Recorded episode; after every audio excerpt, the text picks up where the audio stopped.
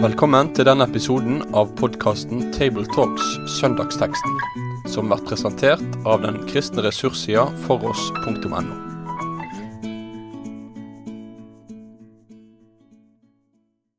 Velkommen til en uh, ny episode av Tabletalks. Rundt uh, bordet i dag uh, sitter Jorunn Sjåstad, redaktør i Logos og medarbeider i Bibelselskapet. Reidar Valvik, tidligere professor i Nytestamentet ved Menighetsfakultetet. Og jeg heter Kristoffer Hansen Ekenes og er til daglig prest i Ryenberget kirke Delk i Oslo. Teksten vi skal lese sammen i dag, den står i Johannes evangeliet i kapittel 21 fra det første verset, og vi leser sammen i Jesu navn. Siden åpenbarte Jesus seg enda en gang for disiplene ved Tiberias sjøen. Det gikk slik til. Simon Peter, Thomas, som ble kalt Tvillingen, Nathanael fra Kana i Galilea, Sebedeus-sønnene og to andre av disiplene hans var sammen der. Simon Peter sier til de andre, Jeg drar ut og fisker. Vi blir også med, sa de. De gikk av sted og steg i båten, men den natten fikk de ingenting. Da morgenen kom, sto Jesus på stranden, men disiplene visste ikke at det var han. Har dere ikke noe å spise, barna mine, sa Jesus til dem. Nei, svarte de. Kast garnet ut på høyre side av båten, så skal dere få, sa Jesus. De kastet garnet ut, og nå klarte de ikke å dra det opp, så mye fisk hadde de fått. Disippelen som Jesus hadde kjær, sa da til Peter, Det er Herren! Da Simon Peter hørte at det var Herren, bandt han kappen om seg, den han hadde tatt av, og kastet seg i sjøen. De andre disiplene kom etter i båten og dro garnet med fisken etter seg. De var ikke langt fra land, bare omkring 200 alen.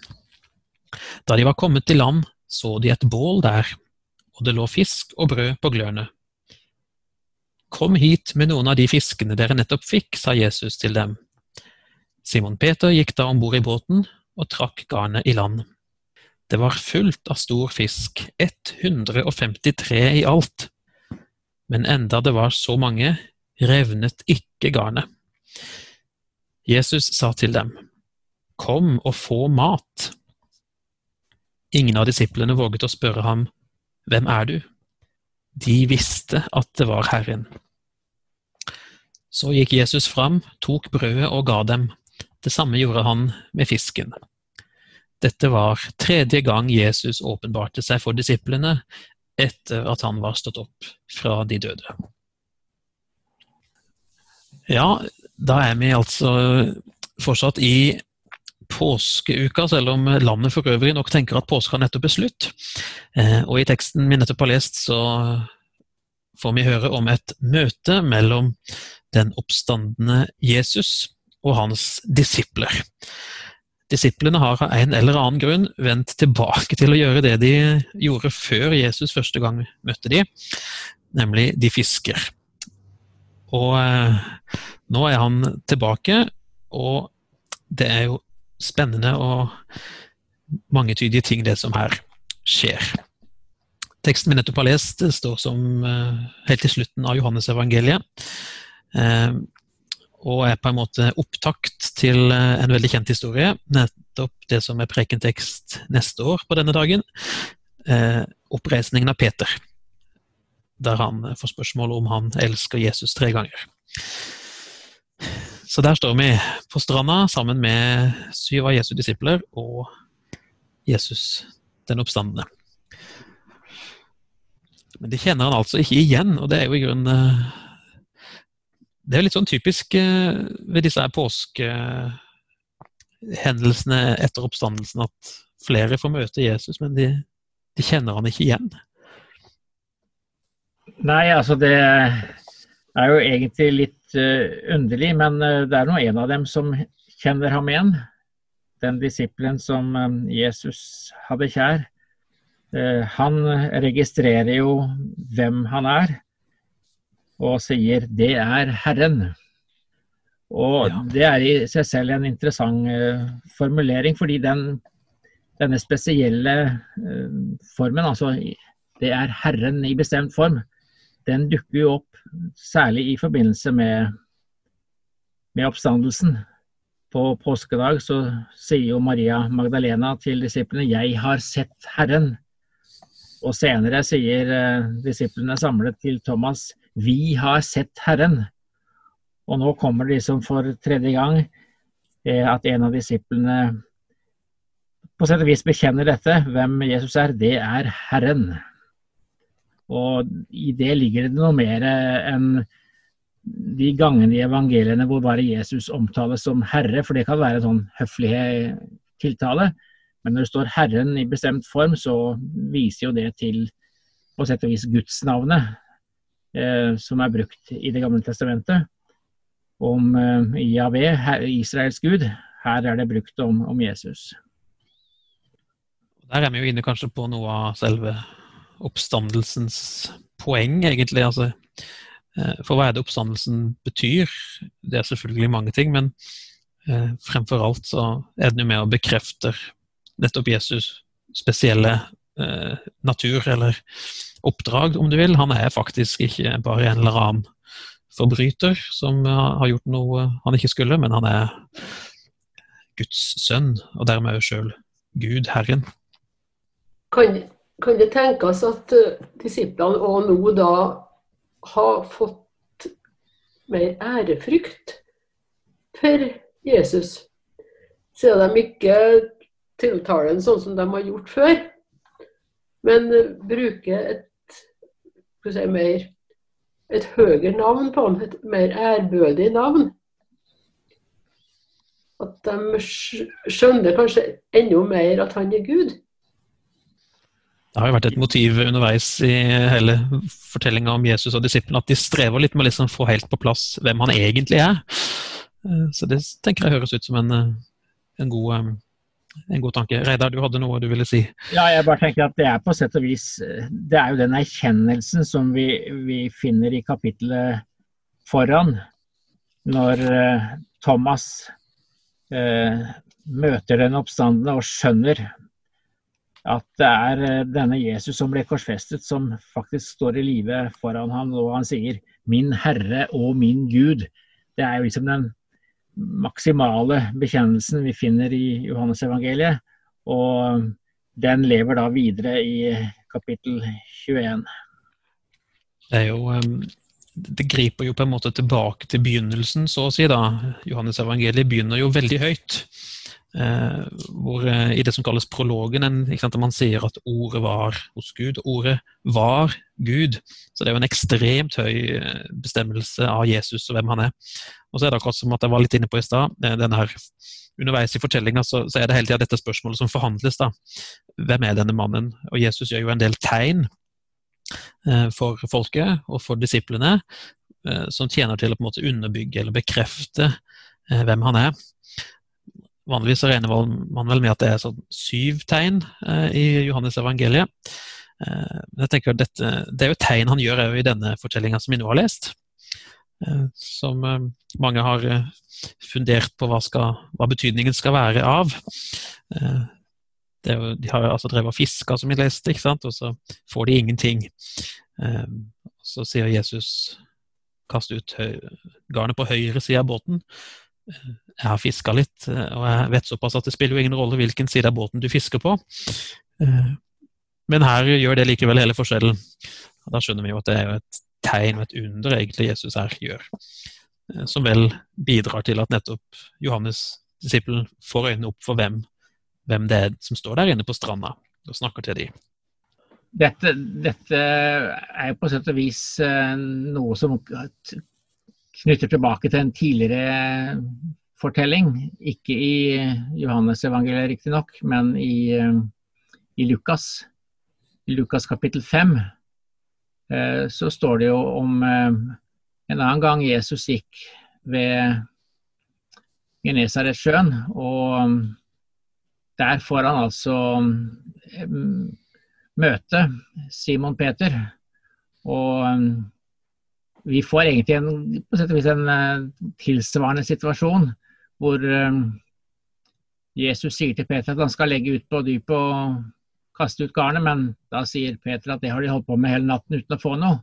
Men så um, gjør de det allikevel på Jesu ord, og de fikk så mye barn, fikk så mye fisk i garnet at det holdt på å revne.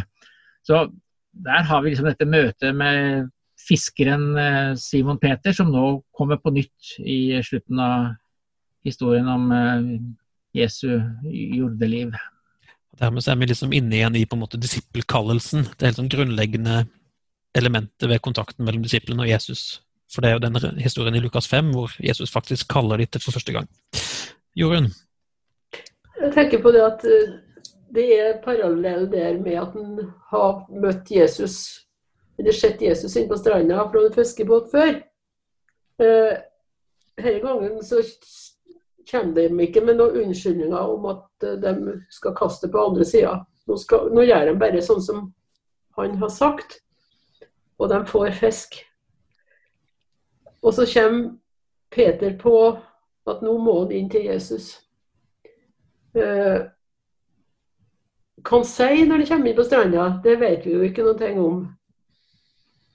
Men han sier neppe det samme som han sa første gangen i den første fortellinga. Peter sier til Jesus, 'Herre, gå fra meg, for jeg er en syndig mann'. Nå behøver han ikke å si det, for han vet det på bakgrunn av det som skjedde i påska. Og så har han veldig behov for å komme nettopp til Jesus. Det er jo, eh, som du er inne på, Reidar, du nevner den historien i Lukas 5, men um, som du er inne på nå, Jorunn, det griper jo tilbake til um, hendelser i selve påskefortellingen med Peters fornektelse, ikke sant? For Peter må jo dette ha lagt veldig opp i minnet. Det er jo ikke så mange dager det er snakk om. Det er vel åtte dager, hvis jeg har lest riktig. Og da er det jo faktisk noe rent språklig i denne teksten som på en måte knytter oss tilbake til eh, hendelsene i, på langfredag morgen. Eh, to ganger i Nytestamentet brukes et gresk ord som er for bål eller kullild, antrakian. Og det er her, i den teksten vi leste nå, så er det i kapittel 18 i Johannes evangeliet hvor Peter fornekter. Eh, så det virker som om på en måte Johannes prøver å underbygge den sammenhengen mellom Peters fall og nå Peters oppreisning i, i den teksten som kommer like etter vår tekst. Eh, så allerede her eh, så er Peter på en måte på, i bevegelse tilbake til Jesus. Eh, Redder. Ja, jeg tenker det er et uh, veldig viktig poeng. Uh, det er jo riktig at det, ikke hele uh, dette kapittel 21 er tekst i år, men det er én fortelling. Eh, som ikke slutter i vers 14, men på sett og vis eh, slutter først i eh, vers 23 etter denne samtalen mellom Jesus og Peter. Så jeg tror det er viktig at når man leser denne teksten, så bør man tenke på helheten det står i. For det er klart at det poenget som du nevnte med kullilden, som, som bare finnes to steder, det er jo med å understreke at det er en sammenheng. Um, og når um, Jesus ikke sant, da i teksten som er etter vår prekentekst, spør Peter tre ganger om han elsker ham, så um, er jo det helt klart en, en forbindelse til dette at Peter fornektet ham tre ganger. Så hele, hele, Peters oppdrag blir på sett og vis eh, konfirmert i denne teksten. Han fikk tidlig eh, oppdraget om å, om å fiske, være menneskefisker. Eh, nå er det et annet bilde som brukes i den teksten, nemlig om at han skal ha ansvar for Jesu lam, fø mine lam, og være gjeter for sauene mine. Så det er viktig å se denne sammenhengen. Jeg syns det blir veldig oppbyggelig når man ser hvordan altså Peters oppreisning blir en veldig viktig sak i hele dette kapittelet. Vi har stoppa litt ved noen av enkelthetene i, i, teksten, og det er jo flere ting som gjerne kanskje kunne uh, stoppe litt ved. Uh, jeg tenkte på uh, f.eks. Uh, dette med at dette skjer så å si på natta, eller i hvert fall akkurat i overgangen mellom natt og dag. Um, Johannesevangeliet er jo veldig kjent for å bruke bildespråk, og særlig kontrasten mellom lys og mørke og sånn. Uh, så det, liksom, det, virker for meg som at det er et slags poeng at dette her skjer så å si i lysningen.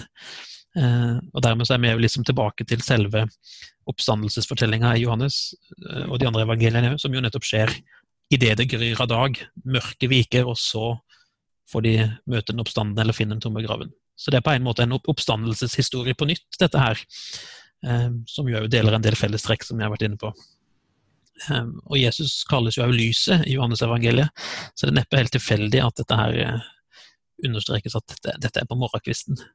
Lyset, vil si Jesus, er allerede på stranda. Og dermed så er vi fort inne i påskefortellinga.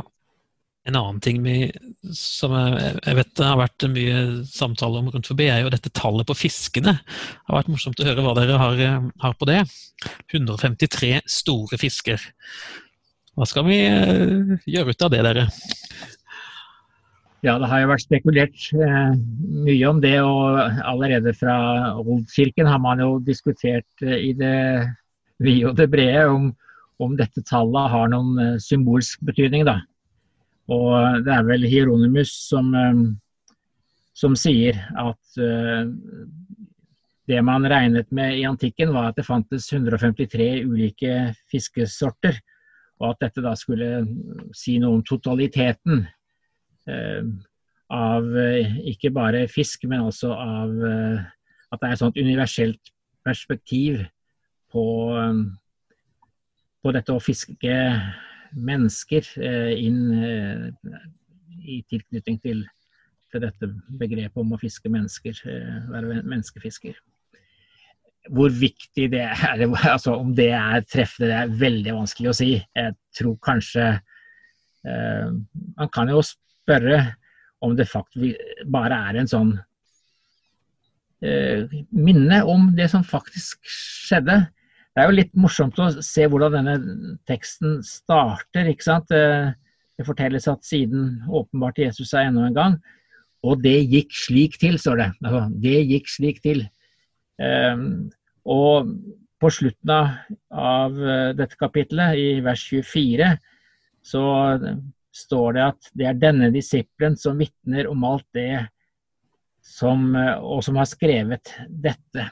Det, altså, det virker som man har et øyenvitne eh, som nå forteller sin historie. Og han husker det, at det var 153 fisk de fikk. Det kan hende det er så enkelt.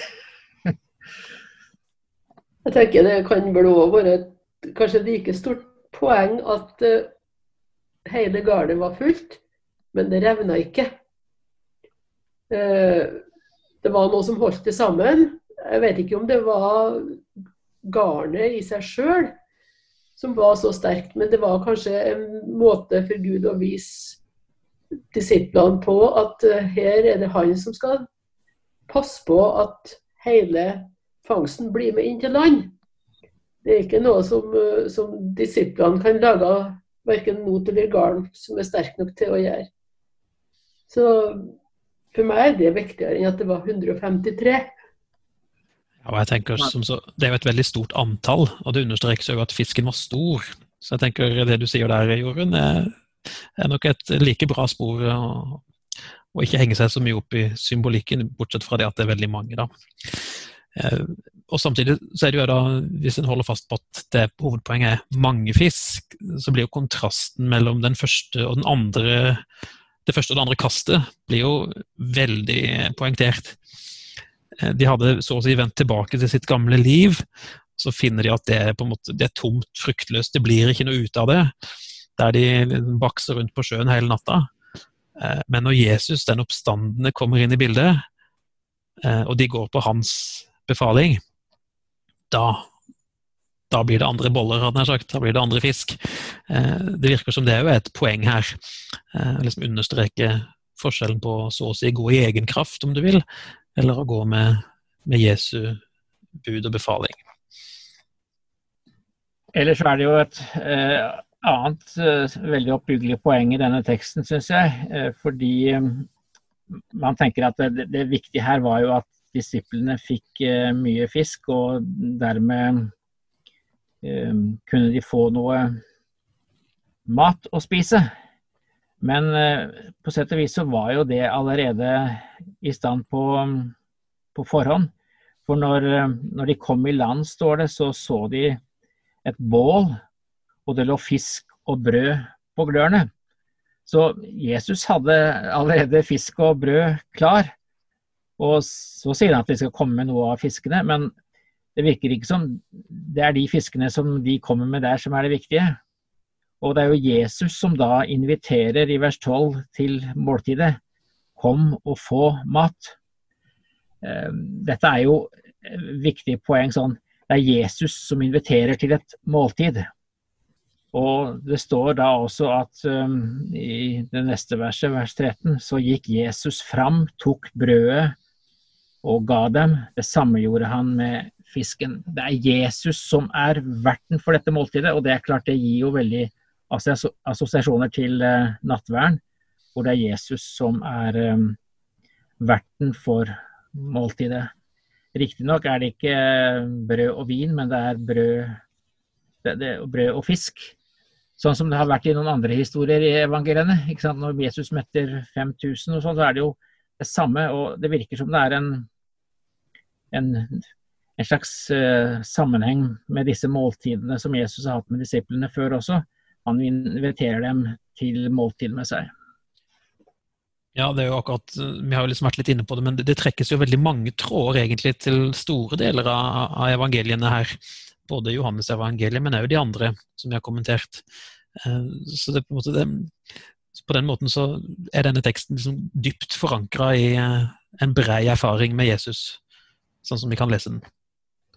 Ja, det sier noe om uh, viktigheten av å lese tekstene i sammenheng. Altså, man kan lese denne prekenteksten helt, helt uh, isolert, men da vil man jo miste Eh, alle de der linkene som er til andre deler av Johannes-evangeliet, og generelt til, eh, til, tekstene om Jesu virke og dette med Peter og hans eh, historie. Så det, sier noe om viktigheten av å, å lese det i den, i den, større sammenhengen, tenker jeg er et veldig sunt poeng når det gjelder å omgås bibeltekster. Det er jo faktisk en en tekst til eh, som vi ikke har eh, kommentert sammenhengen med. Men eh, det var litt tilbake til det med at ofte så blir ikke den oppstandende gjenkjent sånn med en gang. Og da er det jo Emmaus-vandrerne i, i, i, Lukas 24 som er en viktig tekst, ikke sant? hvor nettopp Jesus gjenkjennes når han bryter brødet står det jo der helt eksplisitt. Eh, nå skjer det jo for så vidt litt før selve brødsbrytelsen i, det, i, vår tekst her, da. Men poenget er bare å si noe mer om at eh, det er veldig rikt tilfang av assosiasjoner ute og går her i den teksten. Men så skal man jo preke over dette, da. Og da må man jo kanskje noen ganger eh, velge litt. Er det noen som har lyst til å prøve seg på en oppsummering av hva teksten formidler til oss? Av et type budskap, eller Ja. Det er jo ikke så lett, den uh... Jeg tenker det at uh i alle tekstene som vi leser, så er det jo Jesus som er hovedperson. Og vi får vite mer om Jesus i dem. Samtidig så tenker jeg det at det er en trøst for mange av oss å lese om Peter. At Peter, tross det han har gjort, ikke kunne vente til de var kommet til land med å, å komme bort til Jesus, men at han hopper i sjøen med klærne på, sjøl om han har bindet den rundt seg. Han binder rett og slett rundt seg, da, og så hopper han i sjøen. Eh, så her er det noe som står på for den ivrige Peter. Vi vet jo at han er en ivrig mann før. Både når det gjelder det å bekjenne og det å si ting rett ut. Men her ser vi at her har han antagelig enda mer behov enn noen gang før for å komme seg bort til Jesus. På den måten Og så han viser han vet jo antagelig at, at Jesus har sagt at han skulle ha en spesiell hilsing. Det var det de som møtte Jesus i hagen, fikk beskjed om. At de skulle hilse til, til disiplene og til Peter. Så at Peter har fått bekrefta det at Jesus har ikke slått hånda av ham. Ja, jeg, jeg tror det er, eh, det er grunn til å understreke at dette er en tekst som i særlig grad dreier seg om Peter. Altså Det er ikke til å komme bort fra det. Man ser jo hvordan den starter, og de ulike disiplene nevnes. Så er det Peter som nevnes først, og det er Peter som tar initiativ til å eh, fiske. Og det er i samtale med eh, ja, det er, Og det er Peter sant, som, som, kaster seg i, sjøen og, og, og, kommer i land først. Og samtalen etter vår tekst dreier seg nettopp eh, om, om, Peters rolle. Så eh, dette er på sett og vis en slags sånn oppsummering i evangeliet av eh, Peter og hans gjerning. Han ble den første som var kalt til å være disippel. Iallfall den som fikk så å si lederrollen, men han sviktet. Eh, men han ble altså tydelig tatt inn i varmen igjen, for å si det sånn, og, og fikk oppdraget fornyet og forsterket i, i denne teksten som, eller teksten som følger etter vår tekst. Ja, og jeg tenker Peter han viser jo ofte vei i ord i Bibelens tekster, og her viser han jo vei i handling, sånn som du var inne på, Jorunn, og som du oppsummerer, Reidar. Han viser oss jo veldig tydelig at veien tilbake til Jesus, om du vil, etter et fall, den er åpen, faktisk. Eh, og gjennom Peters initiativrike og liksom boblende behov for å komme til Jesus, så får vi andre òg se hvordan Jesus møter nettopp Peter eh, og andre som har falt. For vi tenker da, enten det gjelder oss eller noen vi kjenner, det finnes oppreisning, og det finnes nye muligheter og en ny tillit. Ja, det finnes tilgivelse, må vi si, eh, hos Jesus. Og det er jo faktisk et veldig viktig poeng, både for Peters del og for, for vår del. Når jeg har lest denne teksten, så har jeg blitt litt sånn tatt av den omsorgen Jesus har altså for de disiplene sine. Han, de har vært ute og kjempa hele natta, så står han der som du var inne på, Reda, med fisk og brød. Måltidet er klart, vær så god, kom til at Jesus òg, som den oppstandende, fortsatt har den samme omsorgen for sine eh, som han hadde underveis på vandringa. Og Det kan jo vi få lov til å liksom legge oss sjøl inn i, da, tenker jeg, å ta imot den omsorgen.